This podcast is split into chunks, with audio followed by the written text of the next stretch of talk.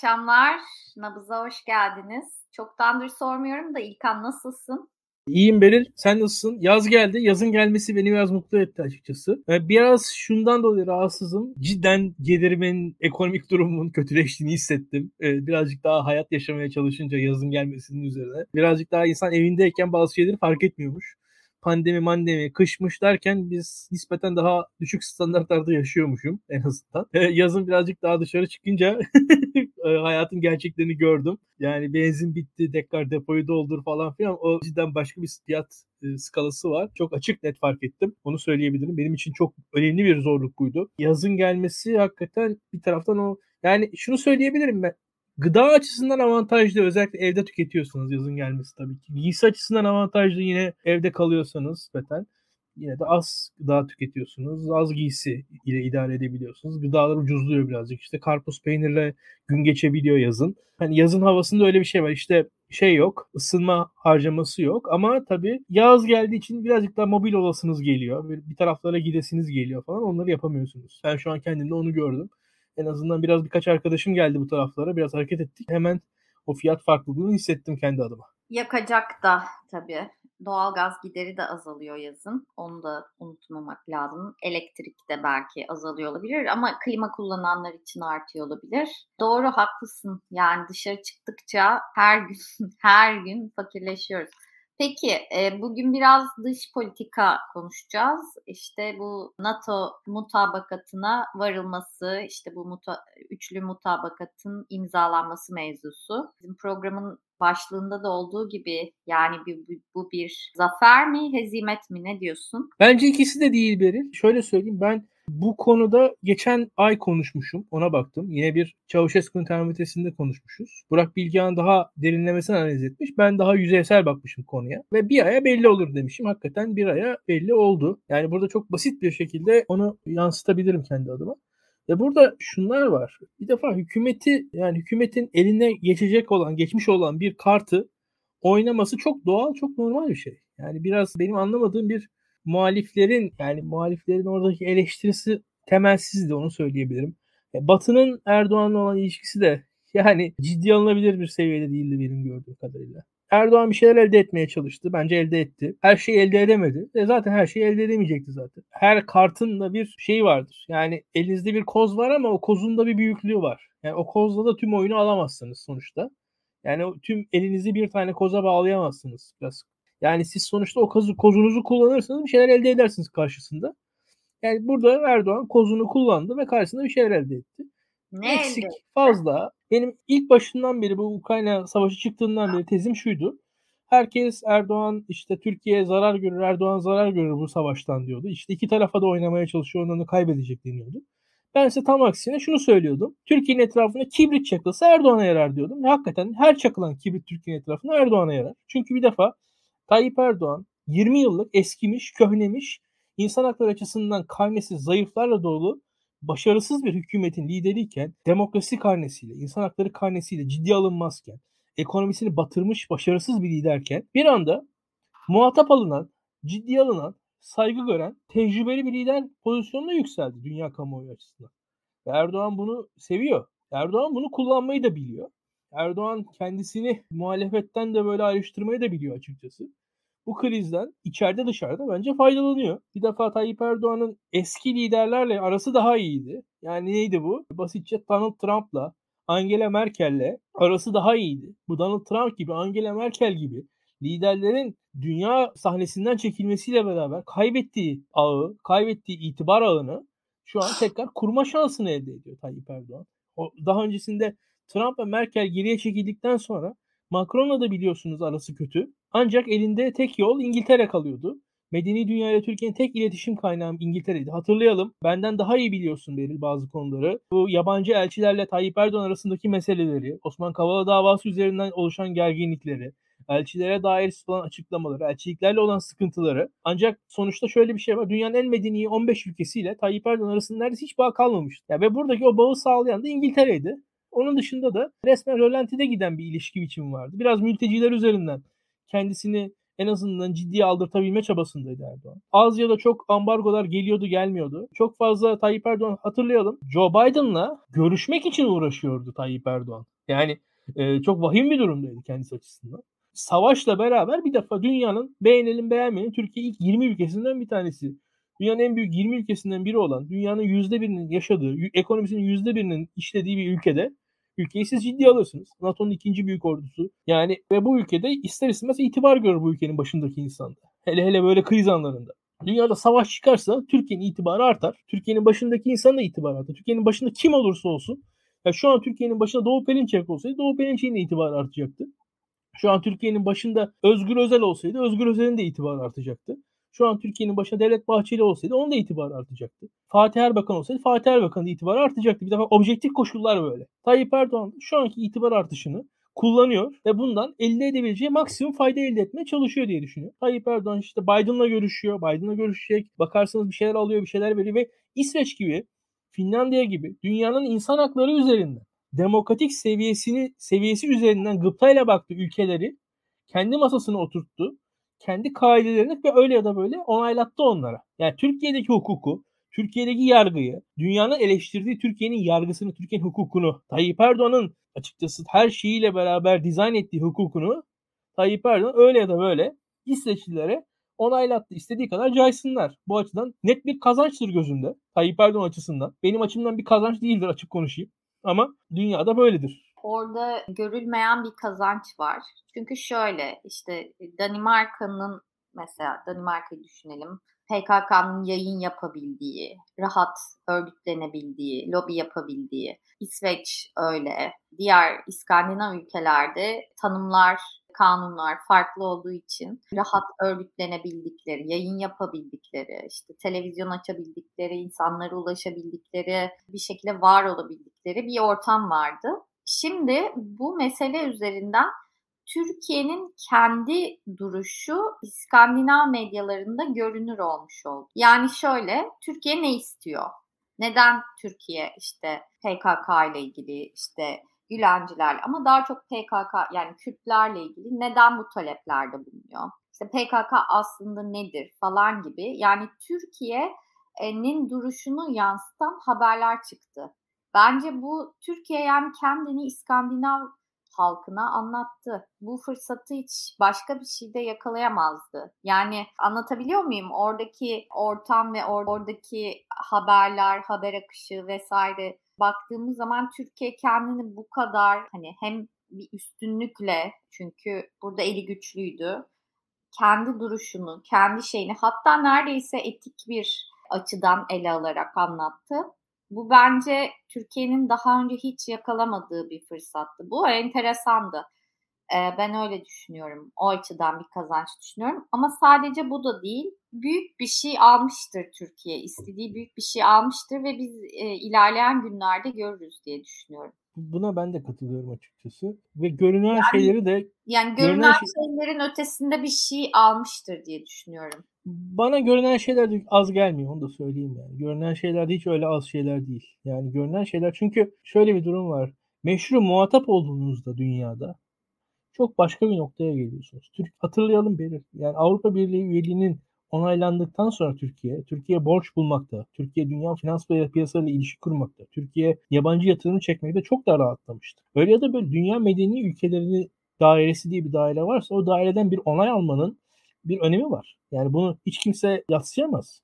Ya bugün siz işte İsveç'in, Finlandiya'nın, Amerika'nın belli bir onayından geçtikten sonra başka bir ülke haline geliyorsunuz. Yani bugün mesela Japonya'yı sıradan bir Asya ülkesinden ayıran, Kore'yi sıradan bir Asya ülkesinden ayıran, Singapur'u sıradan bir Asya ülkesinden ayıran şeyler neler? Ya bunu sadece zenginlik değil, dünyanın bu medeni tarafında gördükleri itibar da aynı zamanda bunu etkiliyor diye düşünüyorum ben. Türkiye dünyanın kimi bu en medeni ülkelerin oluşturduğu birliklere üye. Nedir bunlar? OECD, NATO gibi. İşte G20 biraz daha loose bir gevşek ama mesela neye üye değiliz? Avrupa Birliği'ne üye değiliz. Zaten biz buna da üye olmaya çalışıyoruz. Bakılırsa biz OECD üyesiyiz, NATO üyesiyiz, Avrupa Birliği üyesi değiliz. Türkiye açısından eksiğimizde bunu görüyoruz. Bunun da payı var. Yani bugün mesela bakarsak Volkswagen Türkiye'ye niye yatırım yapmadı? Yani biraz böyle şeyler yüzünden yatırım yapmadı. Yani Türkiye'nin işte terörle yakın ülkelerle sınırı var, güvenlik meseleleri var falan dedi böyle bir şekilde insan hakları açısından, özgürlük açısından tam standartlarda görmedi.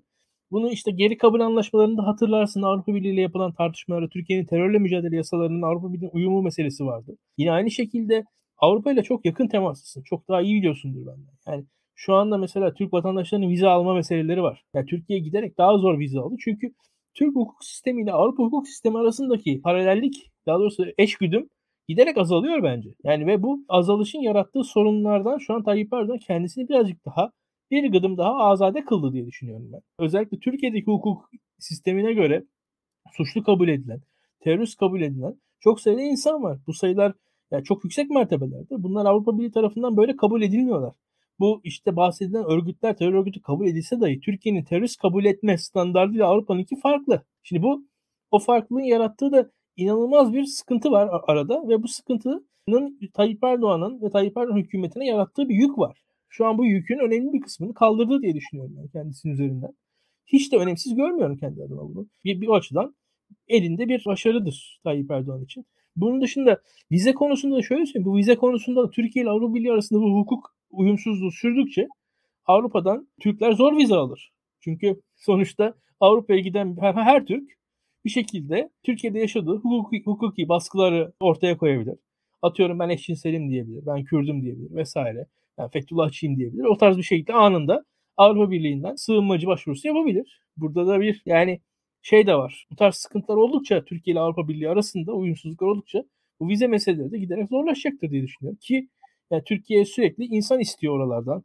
İade talebinde bulunuyor. Sürekli kırmızı bülten çıkartılıyor hatırlayalım. Bu işte yani Sedat Peker meselesinde bile görmüştük nasıl kırmızı bültenlerin çıktığını çıkmadığını. Yani ve nasıl insanların alınmaya çalışıldığını, alınmaya hani yani kimleri alabildiğimizi, kimleri alamadığımızı. Benzer şekilde şu an Türkiye'nin standartlarında gayet bir mesele. Şu an Türkiye en azından bu, bu veto kartıyla önemli bir adım attı diye düşünüyorum. Ha bu adım bence sıradan Türkiye vatandaşlarının gram lehine olmayacak. Onu da söyleyeyim. Ama yani benim hayatım daha kolaylaşmayacak. Çünkü e, Avrupa Birliği Türkiye ile kendisi arasındaki hukuksal farklılıkları bir yandan sonra kabul etti. Şimdi o farklılıklara göre tekrar kendisini konumlandıracak. Yani diyecek ki yarın ben bugün işte İlkan gelirse İlkan'ı yarın iade etmek durumunda kalırım falan diye korkusunda İlkan'a hiç vize vermeyecek. Hikaye bu sisteme doğru gidiyor ne yazık ki. Sıradan vatandaşın aleyhine devletlerin lehine bir düzenlemeler silsilesi bizi bekliyor diye düşünüyorum. Gayet kötümserim bu konularda. Vatandaşlarımız kaybetmiştir, devletimiz kazanmıştır bence. Evet doğru. Peki muhalefetin duruşu neydi bu NATO mevzusunda? Ben onu tam anlayamadım. Yani muhalefetin duruşunu anlayamadım. Sen anladın mı? Haklısın bu konudaki eleştirinde. Çünkü bir yandan da muhalefet açısından sıkıntılı bir durum. Çok sıkıntılı bir durum. Şimdi Türkiye tarihinde e, Beril biliyorsun bir Yunanistan'ın NATO'ya girişi meselesi var. Daha önce de konuştuk seninle. Ve Türkiye'de Yunanistan NATO'ya girişi onaylayan Kenan Evren. Ve Kenan Evren Yunanistan NATO'ya girişini hiçbir şekilde hiçbir şekilde ama hiçbir şekilde bir şey e, elde etmeden kabul etti. Ve bu Türkiye'de de her zaman son 40 yıl boyunca bu Kenan Evren'in onayı muhalefet tarafından, demokrat güçler tarafından denildi ki demokrasi olmadığı zaman, askeri yönetim olduğu zaman ulusal çıkarlar nasıl dağıtılıyor bedavaya diye bu Kenan Evren'in e, onay kararı gösterildi. Demokratik bir yükümlülüğü olmayan askerin milli çıkarlardan ne kadar rahatlıkla feragat edebileceğini göstermek için bu kullanıldı. Yani Kenan Evren Yunanistan'ın NATO'ya girişi karşılığında hiçbir şey elde etmedi. Çünkü Kenan Evren zaten kendi meşruiyeti tartışılan bir liderdi. Amerika tarafından birazcık bir meşru görülmek için bakın esasında paralellikler de ortada biraz gözüküyor. Yani Kenan Evren'in meşruiyeti arttı. Darbeci lider olduğu için. Kenan Evren NATO'ya gir, Yunanistan'a girişi onayladı. Ve Kenan Evren daha meşru bir lider, daha meşru bir cumhurbaşkanı olarak anılmaya başlandı. Batılılar onu öyle eli kanlı katil, işkenceci falan diye görmemeye başladılar.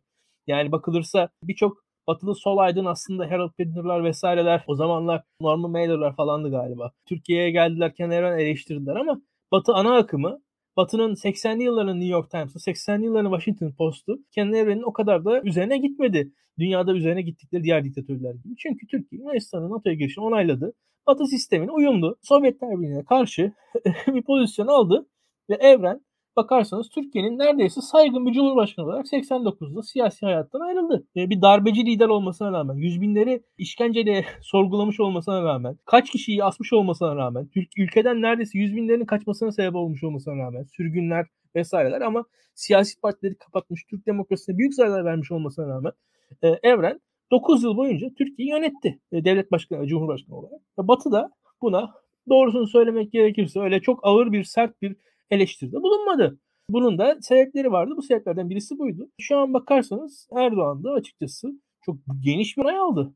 Öyle ya da böyle ve bu onayı da Türkiye'nin kendi kamuoyuna da pazarlamak açısından da PKK'ya, FETÖ'ye vesaireye bağlayacak bir e, enstrümanları da kullandı. Bu açıdan da çok başarılı bence. Ha, muhalefet açısından sordun sen bana çok doğru. Evet. Muhalefet açısından şu var. Muhalefet açısından da muhalefet şunu söylemek durumunda ister istemez. Türkiye daha çok şey elde etsin. Ama şu var. Türkiye'nin elde ettiği şeyler aynı zamanda orada aslında Erdoğan öyle paradigma kuruyor ki, kuruyor ki Erdoğan'ı güçlendiren şeyler oluyor. Erdoğan hükümetini, Erdoğan'ın mekanizmalarını güçlendiren şeyler oluyor. Muhalefet belki şunu söyleyebilirdi. Türkiye'nin İsveç'ten isteyeceği şeyler atıyorum eğitim işbirliği, atıyorum çeşitli teknolojik işbirlikleri, atıyorum STK'lar arası dayanışma falan gibi aslında çok daha demokratik konularda işbirlikleri talep edebilirdi Türkiye. Belki muhalefet böyle talepleri yükseltebilirdi ama tabii Türkiye'nin kamuoyunda böyle taleplerine çok alıcısı yok. Yani doğrusunu söylemek gerekirse.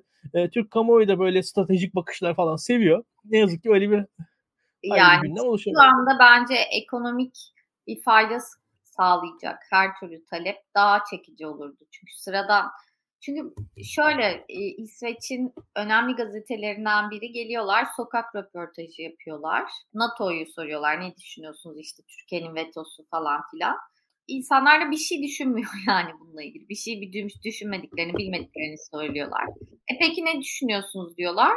İnsanlar da işte fiyatları, artan fiyatları, kiraları diyor. Bunun üzerine haberi bunun üstüne kuruyorlar. Yani yapmak istedikleri şey ortaya çıkan bu olduğu için biz de bunu yaptık deyip ekonomik şeye.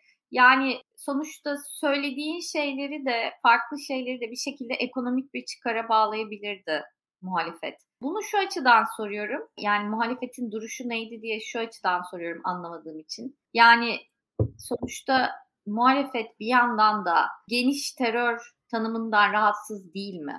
Yani hani belki İsveç kadar değil ama ne bileyim mesela Ragıp Zarakoğlu'nu terörist saymayacak, onun bir insan hakları aktivisti ve yayıncı olduğunu kabul edecek bir duruş sergileyemez miydi? Anlatabiliyor muyum söylemek istediğim? Yani bizim beklediğimiz evet. şeyler ve demokratik düzlemde ve işte herkesi terörist damgasının yaftasının yapıştırıldığı bir dönemde hani böyle bir şeye ses çıkarmamak da aslında bir anlamda onu zulümden kabul etmek değil mi demeye çalışıyorum. Anlatabiliyor muyum? Haklısın. Baştan aşağı haklısın açıkçası.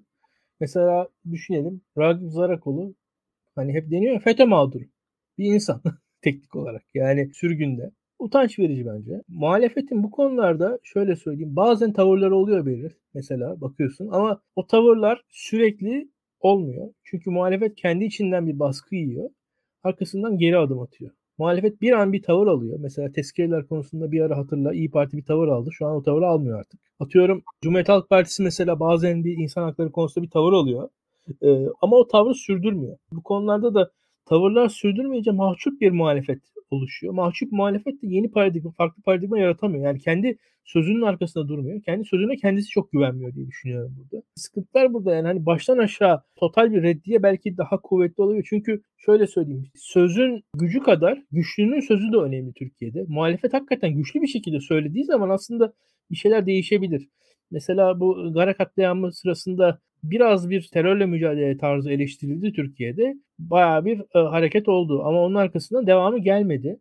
Yine aynı şekilde İsveç'teki meselelerde yine benzeri oldu. Mesela Kılıçdaroğlu adalet yürüyüşü yaptı. Doğru. Ama bunun içeriği neydi? Tam bilmiyoruz. Yani adalet yürüyüşü niye karşı, kime karşı yapıldı? Tam ne diyor bilmiyoruz yani. Orada aslında belli bir belirsizlik bırakılıyor. Ve o, o zaman da şöyle mükemmel mağdurlar aranıyor birazcık bizim sistemde. Sıkıntılarımız bunlar diye düşünüyorum. Zaten yani vatandaşlar falan da böyle bakarsan bir suç işleniyor. Polis bunu çekip kursun falan diyor insanlar. Böyle medeni sandığımız insan. Türk, Türk halkında da böyle bir durum var. Yani bilmiyorum ben üzücü. Ya bu konularda moralsizim ben. Yani böyle yargı falan konuşursak. Çünkü ben Türk halkının böyle yargı talebi yok yani. İnsanların öyle çok aman hukuk işlesin ve mahkemeler düzgün şey olsun falan öyle çok bir talebi olduğuna inanmıyorum ben bizim halkın. Ama Biraz konular... var, var aslında. Var nasıl yok? Şimdi şöyle bir şey var. Adam işten çıkarılıyor. Gelmiş işte 60 yaşına 70 yaşına. İşten çıkarılıyor haksız sebeple. e, dava açmak istiyor. Yani bir şekilde karşı tarafın işte yalancı tanık tutacağına inanıyor, bilmem neye inanıyor, ona inanıyor, buna inanıyor. Tazminatını almıyor, o yaşta iş bulamıyor. Dımdızlak ortada kalıyor. Yani bu adam o davayı kazanabilir. İş hukuku davalarında yani hani çok harika işleyen bir sistem olduğunu söylemeyeceğim ama işçi lehine bir avantaj yakalanabilir yani anlatabiliyor muyum? İş, yani işveren için daha zor kazanması daha zor aslında hukuken. Ama yani sistemi görüyor bilmem ne. Zaten ne kadar olacak? Zaten param yok. Param yokken ben olanı da işte dava için kullanmayayım diyor. Ben niye bekleyeceğim diyor. Vırt diyor. Yani bu aslında günlük hayata yansıyor. Yani yansımadığını söylemek bence o bağlantıyı kurmamak siyasetçilerin tembelliği. Çıkıp herkes Osman Kavala'ya özgürlük demek zorunda değil ki. Yani kendi hakkıyla ilgili de ortaya çıkıp insanların elde edemediği şeyler var. İşte ayrımcılık var, işte nepotizm var, işte ne bileyim haksız sebeple işinden olma var. Yani şiddet var. Türlü türlü şey var. Yani doktorlar şiddet görmeyecek. Yani bu da bir vaattir. Anlatabiliyor muyum? Yani illa bunun büyük ve önemli isimler etrafında olması gerekmiyor. Yani insanların hayatına yansıyan bir tarafı var. Ya da ne bileyim aftan sonra çıkanların kaçı cezaevine döndü. Yani bunun türlü türlü yolu var evet. yani. Bu bence siyasetçilerin tembelliği. Bir yerinden tutturamıyorlarsa onların tembelliği. Ben de şöyle söyleyeyim hukuktan şikayetçi olmakla hukuk talebi sahibi olmak arasında fark olduğunu düşünüyorum. Mesela Urfa'da şiddete uğrayan doktorun videosunu izledik hepimiz. Üzülerek. Değil mi?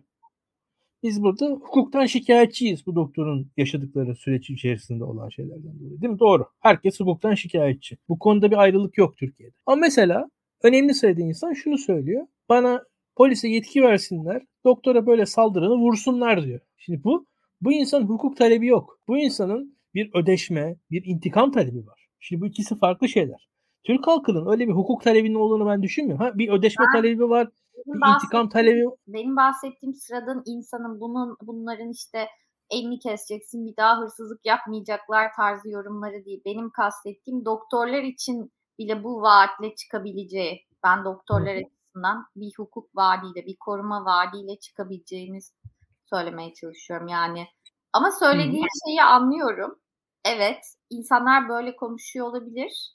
Ama sonuçta yani insanları son noktaya getiren de adaletsizlik. Yani röportajları istiyorsun. Ben çok haksızlığa uğradım. Hak, haksızlığa uğramamak için partimi değiştirdim. Ben çok haksızlığa uğradım. Onun için şunu yaptım. Yani haksızlığın ne olduğunu biliyor bence insanlar. Bunu doğru ifade edemiyor olmaları veya yanlış şeyler talep ediyor olmaları, bunun popülist liderler tarafından manipüle ediliyor olması bir şey değil. Yani özünü değiştirmiyor bence. İdeallerde sen kesinlikle haklısın ama şunu söylüyorum. Ben de muhalefetin aynen dediğin gibi doğru söylüyorsun. Yani hakikaten doğru. Türkiye'nin insan hakları konusunda yani sağlam bir ajandasını ben de muhalefette tam anlamıyla görmüyorum. Bir şekilde adalet deniyor. Adalet kavramı arkasında bir şeyler saklı.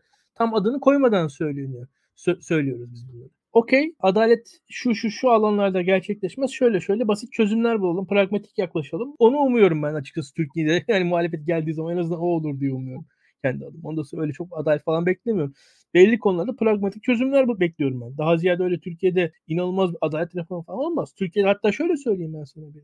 Ya ben muhalefet Türkiye'de iktidara gelsin. Milli gelir 20 bin dolara çıkartır. İddialıyım yani. Türkiye'nin ekonomik potansiyeli çok yüksek olduğunu düşünüyorum. 20 bin dolar. Bakın hemen burada sonra İlkan Demirci dersiniz. Açıkçası ama böyle adalet konusunda falan Türkiye'de düzelmez yani bu işler. kolay kolay. Ve şöyle söyleyeyim çok eksiğimiz olduğunu düşünüyorum ya.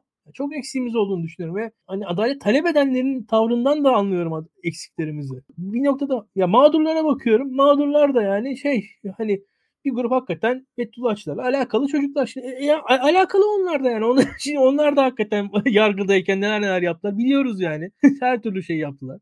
Zor yani şu ülkede hakikaten yani yukarı çıkan alttakini dövüyor yani. En sonunda olup olacağı o oluyor. Yoksa bir genel adalet talebinin olacağına pek yani e, en azından bir netice varması zor biraz iktidar değişirse iktidarın değişebilirliğinin gösterdiği bir kıvraklıkla daha pragmatik bir şekilde e, sorunların büyüklüğü azaltılabilir Türkiye'de. Yani iş bilen hakimler, yargıçlar birazcık daha sorunları küçültebilirler diye düşünüyorum kendi adıma.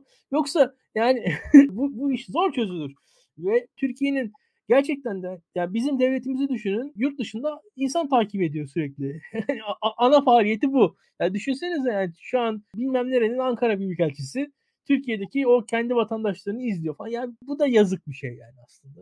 Kaynak israfı gibi bir şey geliyor bana ama artık Türkiye böyle. Evet yani yani nelere kaynak ayrılıyor ve nelere kaynak ayrılabilir diye düşününce bilmiyorum. Ben, bu arada, ben bunun muhalefetin söyleminde görmek istediğimi söylemeye çalışıyorum. Anlatabiliyor muyum? Haklısın. Bir de şunu da ekleyeyim bu arada. Türkiye'nin ben F-16 falan alırız. F-35 alamayız. Türkiye F-16 alırsa Yunanistan F-35 alır. Birazcık daha silahlanma artar bunun sonucunda. Belki Amerika daha da karlı çıkar. Karşılıklı bir silah yarışında Türkiye'ye birazcık daha fazla silah verir Amerika. Yunanistan'a Türkiye'ye birazcık daha fazla silah verir. Biraz daha onlara verir. Öyle bir denge sağlar diye düşünüyorum. Ya zaten son 70 yılda sağladığı gibi Türkiye ile Yunanistan arasında bir dengeyi sağlar Amerika. Burada çok bir değişiklik olmaz. Çok büyük paradigma değişikliği ne anlama gelir Türkiye'de? Mesela Türkiye atıyorum S-400'lerini Ukrayna'ya satarsa büyük paradigma değişikliği anlamına gelir. Bu da olmaz. Bunu da beklemiyorum. F-35 Türkiye şu an almaz. Yani şu an gözüken o. Bu, bu da bu hükümet baştayken de çok fazla değişmez.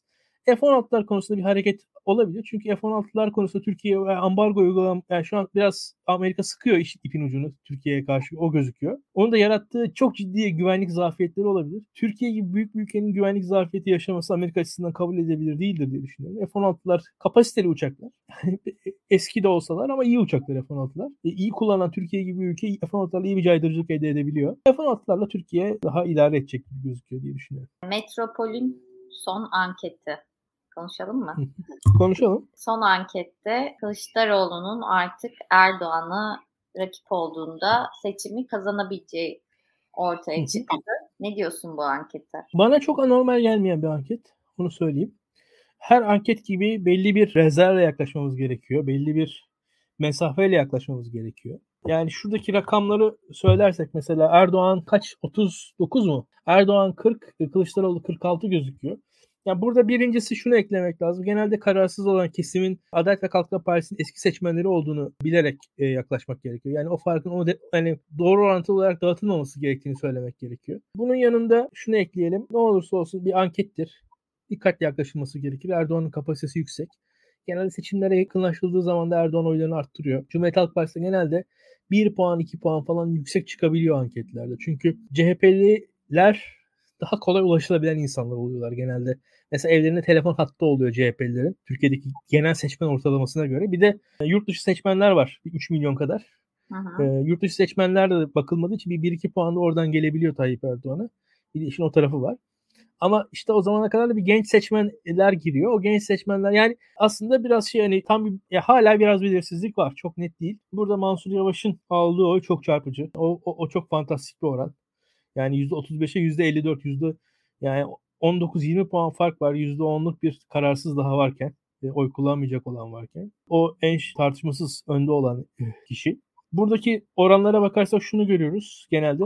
Adalet ve Kalkınma Partisi artı MHP oyunu e, dikkate alalım. Buradan Recep rica edelim diğer AKP MHP'nin de olduğu partinin oy oranlarını yansıtabilir misin? Heh. AKP MHP'nin oy oranlarına bakıldığı zaman da burada yaklaşık %37-38'lik 38-39 civarında bir AKP MHP oyu var burada. Yeniden refah oylarının da Tayyip Erdoğan'a yani 0.7'lik oranın da Tayyip Erdoğan'a yakın olduğunu görürsek eğer yani hemen hemen %40'lık bir oy tabanı var Tayyip Erdoğan'ın.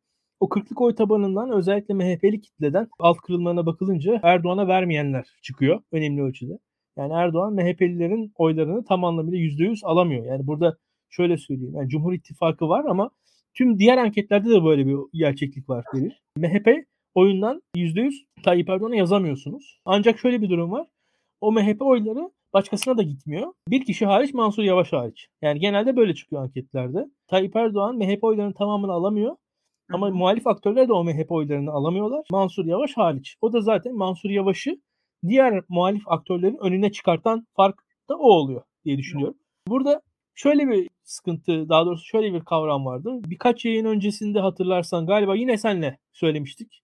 O zaman Aksoy araştırmanın anketlerini burada konuşmuştuk hatırlarsan. Kılıçdaroğlu'nu yükselten paradigma demiştim nedir diye. Oradaki tartışma, düşünce tarzı neydi diye söylemiştim. Kılıçdaroğlu'na yakın firmalar bunlardır demiştim. Ve Aksoy'un, Ertan Aksoy'un Cumhuriyet'e yazdığı bir yazıyı senden soru olarak icat ettiğimi hatırlıyorum. Ve orada da şu vardı, o şu kavram vardı. Sonuçta insanlar Ekrem İmamoğlu'na, Mansur Yavaş'a veya Kılıçdaroğlu'na veya Meral Akşener'e muhalif oldukları için oy verecekler. Bu insanlar muhaliflerin oylarını alabilirlerse seçimi kazanırlar. Çünkü demografik olarak şu an muhalefet çok. Yani Hı-hı. muhalefet şu an demografik olarak çok. Eskiden Tayyip Erdoğan destekleyenler demografik olarak çoktu. Ve eskiden Tayyip Erdoğan seçmenlerini sandığa götürdüğü zaman kazanıyordu. Şu an muhalefet seçmenlerini sandığa götürürse kazanır. Bu açıdan da Kılıçdaroğlu destekçisi anketçiler ve araştırmacılar Kılıçdaroğlu'nun düşük çıkan oy oranlarını çok ciddiye almıyorlardı. Nasılsa Ekrem İmamoğlu'na veren kişiyi, oy verecek kişiyi veya Mansur Yavaş'a oy verecek kişiyi Kemal Kılıçdaroğlu bir noktada ne edebilir diye düşünüyorlardı. Yani buradaki yaklaşımda da bir noktaya kadar başarılı oldu ki Tayyip Erdoğan oyları ekonomik krizle beraber net bir şekilde eriyor. Bunun da katkısı var tabii. Kılıçdaroğlu burada bu seçmen mobilizasyonunu sağlayabilir mi? Bence hala soru işaretleri var ama şu da açık. Yani hükümet şu enflasyon ortamında, şu gelir dağılımının bozukluğunun yaşandığı ortamda. Yani bakılırsa evden çıkarken korktuğumuz, benzin alırken korktuğumuz. Ben şu anda ya şu anda mesela ben benzinciye gidemem. Hani maaşımı almadan benzinciye gitmem. yani çok basitçe. yani ve bu, bunun gibi insanlar sıkıntılar içerisinde atıyorum. Mesela ayakkabı alacaksın. Hangi gün alacağına dikkat edersin artık. O hale geldik şu anda. Böyle bir ortamda tabii ki Tayyip Erdoğan oyları düşecektir diye düşünüyorum ben. Bunları yaşıyoruz. Anketler konusunda dediğim gibi biz dikkatli, mesafeli, az heyecanlanan insanlar olmamız en doğrusudur diye düşünüyorum. Genel trendler e, anketlerde genelde doğru yansır. Bakarsanız hani bir, bir trendi genelde yakalarsınız anketlerde ama sonuçta bilinmezdir anketçilik. Yani bilinmezliği çok bir e, iştir. E, kolay bir iş değildir. Mesafeli bakalım ama şunu söyleyelim. Yani oradaki Kılıçdaroğlu'na güvenen tezlerin de tamamen yanlış olmadığı çıkıyor ortaya. Ancak şu var. Yani birkaç anti Kılıçdaroğlu şey de söyleyelim. Yani onlar da nedir? Bir, Erdoğan %1 ile %2 ile seçimi kaybederse o sandık güvenliğini sağlayabilir misiniz? %1'lik seçim galibiyetini kabul ettirebilir misiniz? Seçimler tekrarlanır mı? diye bir soru e, gayet rahat gelebilir. Aha. Yani fark çok azsa bir şekilde ikinci tura o seçim aktarılır. İkincisi yani net bir galibiyet gerekiyor muhalefet açısından. Ki bugün Kılıçdaroğlu farkındaysan bir açıklama yaptı Beril. İlk turda kazanmamız lazım dedi ve ilk turda kazanırız dedi. Kılıçdaroğlu da bu dediğim şeyin tamamen farkında. Çünkü sen benden daha iyi biliyorsun.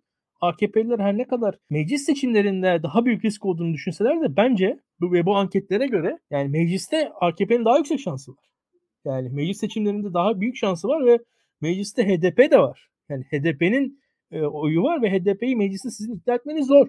Ama e, tam aksine iki aday Ali mi Veli mi arasında tartışma çıktığı zaman veya hani Ayşe mi Fatma mı diye arasında tartışma çıktığı zaman siz çok rahat bir iktidar kurabilirsiniz Tayyip Erdoğan'a karşı. Yani o AKP'lilerin görüşlerini sen benden daha iyi biliyorsun. İşte gittin ve orada şu var. ikinci tura kalırsa seçim verir. İlk turun sonunda muhalefetin mecliste tam bir hegemonya kuramaması ihtimali var. Yani muhalefet mecliste tam hegemonya ilk turun sonunda kuramazsa Tayyip Erdoğan kendisini istikrar adına öne çıkan bir aday olarak da ikinci tura sunabilir ve birinci evet. tur ve ikinci tur arasındaki zamanda Tayyip Erdoğan'ı yarayabilir diye düşünüyorum ben. Bu gibi riskler var. Bunları Kılıçdaroğlu da görüyor ve ilk turu hedef koymuş kendisini. Çok da doğru. Çok da doğru. Asgari ücret zammı kapıda. Ne diyorsun? Hı hı. En son konuştuğumuzda asgari ücrete zam enflasyonu daha da artırır demiştin. Bir hatı, hatırlamış hı hı. olsun izleyicilerde. Neden asgari ücretin arttırması enflasyonu arttırıyor sence? Talep yönlü baskı var enflasyon üzerine. Çünkü tüketici fiyatları çok daha yüksek artmış durumda üretici fiyatlarına. Pardon çok da az artmış, artmış durumda. Şu an emtia fiyatları, enerji fiyatları çok yüksek bir. Emtia ve enerji fiyatlarının artışı da üretici fiyatlarının çok yüksek olmasını ortaya çıkartıyor. Üretici ve tüketici fiyatları daha az artıyor. Çünkü insanlarda para yok. Hı hı. Şimdi insanlarda para yok yani çok değil. Ve şimdi bu ücretler arttığı zaman da ister istemez üretici fiyatları ve tüketici fiyatları arasındaki makas da kapanacaktır. Ne yazık ki daha kötü şeyler oluyor. Ha bu şu demek değil yani arttırılmasın falan demiyorum ben. Bunlar enflasyon başka yerlerden kısılır gerekirse. Şu an ben yüksek bir artış bekliyor muyum? Soracaksın bana. Bekliyorum açıkçası. Bekliyorum. Hiç şaşırmam. Yani şimdi şöyle bir durum var. %25 e, konuşuluyor. Ben %25'in net üzerinde net üzerinde bir artış bekliyorum. Yani işçi ve işveren kesimlerinin taleplerinin hepsinin üzerinde bir artışı Tayyip Erdoğan söyleyecektir. Orada bir Tayyip Erdoğan faktörünü tarzı bir şey çıkacaktır. Yani %25 %50 arasında. Yani işte 6 bin lira, 5500 lira falan o civarlar. Bir de şeyi söylemek sormak istiyorum. Onu demin konuşurken atladık. Bu Erdoğan'ın işte Boris Johnson'la şakalaşması, İşte Biden'ın işte o şakaya gülmesi, o sahne çok konuşuldu. Sonrasında işte Erdoğan'ın Boris Johnson'a yine işte omzuna dokunması, şakalaşması vesaire. Hani oradaki bir hal, tavır çok konuşuldu. Nasıl değerlendiriyorsun sen onu? Yani bu bir sembolik bir şey ama bir anlamı var. Anlamı ne? Ya bir, bir anlamı kesinlikle var. Zaten yani program başında 15 dakika onu anlatmaya çalıştı. Erdoğan orada bir kişiyi satıyor bize. Tayyip Erdoğan muhtar bile seçilemediği zaman da George W. Bush'la aynı masaya oturdu. Ve o bence oyunu arttırdı. Tayyip Erdoğan AKP Genel Başkanı bile değil. AKP Genel Başkanı falan sıfatıyla gitti. Amerikalarda gezdi ve o itibarını arttırdı. Başbakan değilken hatırlayalım. Türk halkı açısından bunlar gayet önemli şeyler. Gayet önemli şeyler. Ben o görüntülerin şöyle söyleyeyim. E, yani mesela TikTok'ta, YouTube'da milyonlara milyonlara ulaşacağından eminim. Hiç kimse kendini kandırmasın. Yani orada birçok kişi şey diyecek. Ekonomi kötü ama dış politika iyi diyecek yani. Ekonomi kötü ama bak koskoca İngiltere'yi adam kıvrat yani kıvrandırdı falan diyecek. Yani orada kesinlikle Türkiye halkı halkı etkilenir böyle şeyler. Yani Tayyip Erdoğan uzun adam diye anılan bir insan. Yani uzun adam diye anılıyor. Bunu hiçbir şekilde göz ardı etmemek gerekir diye düşünüyorum. Evet kendim ciddiye almıyorum ama eğer ben buraya analist olarak çıkıyorsam bana yorumla deniyorsa etkisi olur mu? Olur. Olur yani bunun etkisi olur. Hiç hiç ben bunu küçümsemem. YouTube'da Tayyip Erdoğan'ın bizim eleştirdiğimiz konvoy videoları milyon izleniyor. İnsanlar oturuyorlar arka arkaya giden 100 tane Mercedes'e hayranlıkla bakıyorlar. Türk halkı gücü sever. Seviyor. Yani Tayyip Erdoğan Biden'la görüşmek istiyor. Putin'le görüşmekten hoşlanıyor. Hoşnut oluyor. Yani o büyük görüşmelerden hoşnut oluyor.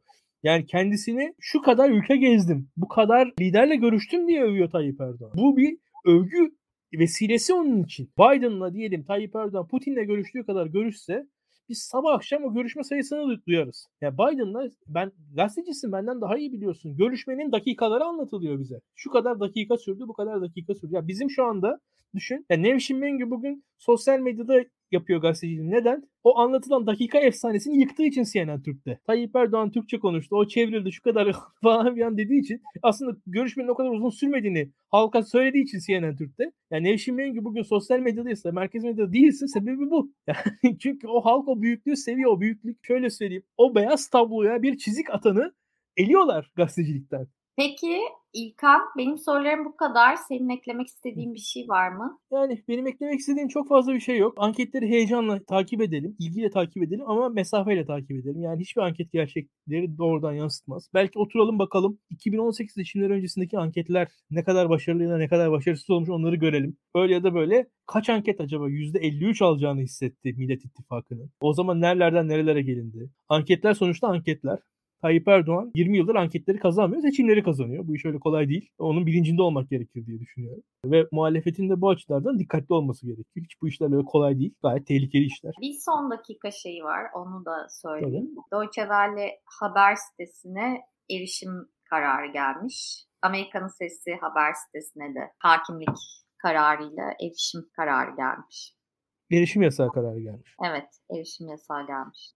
Peki sebepleri hakkında bir bilgimiz var mı? Bir lisans mevzusu vardı daha Aha. önce. İşte lisanslı olması, dolayısıyla rütün denetimine tabi olması meselesi. O konuda yürüyen bir dava vardı. Onun sonucu olabilir diye düşünüyorum. Evet, girilemiyor şu an. Ben de denedim, giremedim. Zaten daha önce yani konuşmuştuk işte 16 Kürt gazetecinin tutuklanması, sürekli her türlü habere yayın yasağı, gizlilik kararı getirilmesi, güven davalarda, soruşturmalarda. Şimdi de böyle bir erişim yasağı getirilmiş. Valla herkese kolay gelsin diyeyim. Seçimlere kadar bakalım biz de yayın yapabilirsek yapmaya devam edeceğiz. Deutsche Welle'deki arkadaşlardan konuk olmak isteyen varsa alırız. Durumlarını dinlemek isteriz açıkçası. Özellikle Nabız'a bekleriz. Voice of America'dan da eğer gelmek isteyen olursa. Ben merak ediyorum hakikaten nasıl yayıncılık yapıyorlar? Standartları neler? İnsanlar aslında pek de bilmiyorlar bunları. Yani kısıtları neler? Çünkü şöyle bir şey var. Evet arkalarında bir güç hissediyorlar mı? Bence kesinlikle hissediyorlardır. Yani öyle ya da böyle benim başıma bir şey gelse Amerikan elçiliğinden bir şey diyen olmaz muhtemelen. Ama yani en azından onlara olur öyle bir duygu vardır ama Öyle ya da böyle sonuçta Türkiye hukukuna tabiler. Yani Türkiye'de de siz öyle her şeyi yapabilirsiniz. Nasıl arkanızda Amerika var. Öyle bir durum da yok yani. Onu da görmek lazım. Türkiye gayet kendi egemenliği konusunda çok hassas bir ülke Türkiye. Öyle hiç kolay bir ülke değil. Türkiye ile belki diğer ülkelerdeki uygulamaları, diğer ülkelerdeki bu işte Voice of America'nın, Deutsche Welle'nin diğer ülkelerde karşılaştığı muameleleri karşılaştıran bir yaklaşım olabilir. Mesela Yunanistan'da sıkıntı çekiyorlar mı? Rusya'da neler yaşıyorlar, Ukrayna'da neler yaşıyorlar. Ben bunları merak ediyorum aslında. Mesela Mısır'da neler yaşıyorlar veya yaşamıyorlar. İşte e, atıyorum sen mesela BBC'de çalıştığın zamanında o BBC İran Farsça servisinin meselelerini benden iyi biliyorsun bana anlattın. Onun gibi biraz mukayeseli bakmak lazım. Türkiye o açıdan nerede en azından oralarda çalışan insanlar bunu da iyi anlatabilir diye düşünüyorum. Doğru doğru söylüyorsun ama tabii ya çoğu yöntem benzer. Çünkü bir ülke bir şey yapıyor, bir ülke ondan alıyor daha ileri götürüyor belki. Sonra ondan başka bir ülke alıyor, daha ileri götürüyor. O yüzden aslında çok benzer ama Türkiye bütün bunların arasında nerede duruyor? İşte o yıllık endekslerdeki ölçümlerden anlamaya çalışıyoruz. Hani şu anda Türkiye gazetecilik için en kötü yerde değildi geçen sene ama belki önümüzdeki sene oraya bilmiyoruz ama yani tabii ki şöyle bir şey var hani dünyanın pek çok ülkesinde gazeteciler gerçekten canlarını ortaya koyarak haber yapıyorlar. Hiçbir haberde insan hayatına değmez de yine de işte hayatlarını kaybediyorlar. Brezilya'da e, Amazon'da da kaybedebiliyorlar. Rusya'da ya da Ukrayna'da Ukrayna'da savaşı işte haberleştirirken de kaybedebiliyorlar diyeyim. Programı kapatayım. Soru var mı diye bakıyorum son olarak. Evet sanırım bütün soruları cevapladın sen. Peki çok teşekkür ederim. Herkese iyi akşamlar. Haftaya görüşürüz diyelim. İyi akşamlar.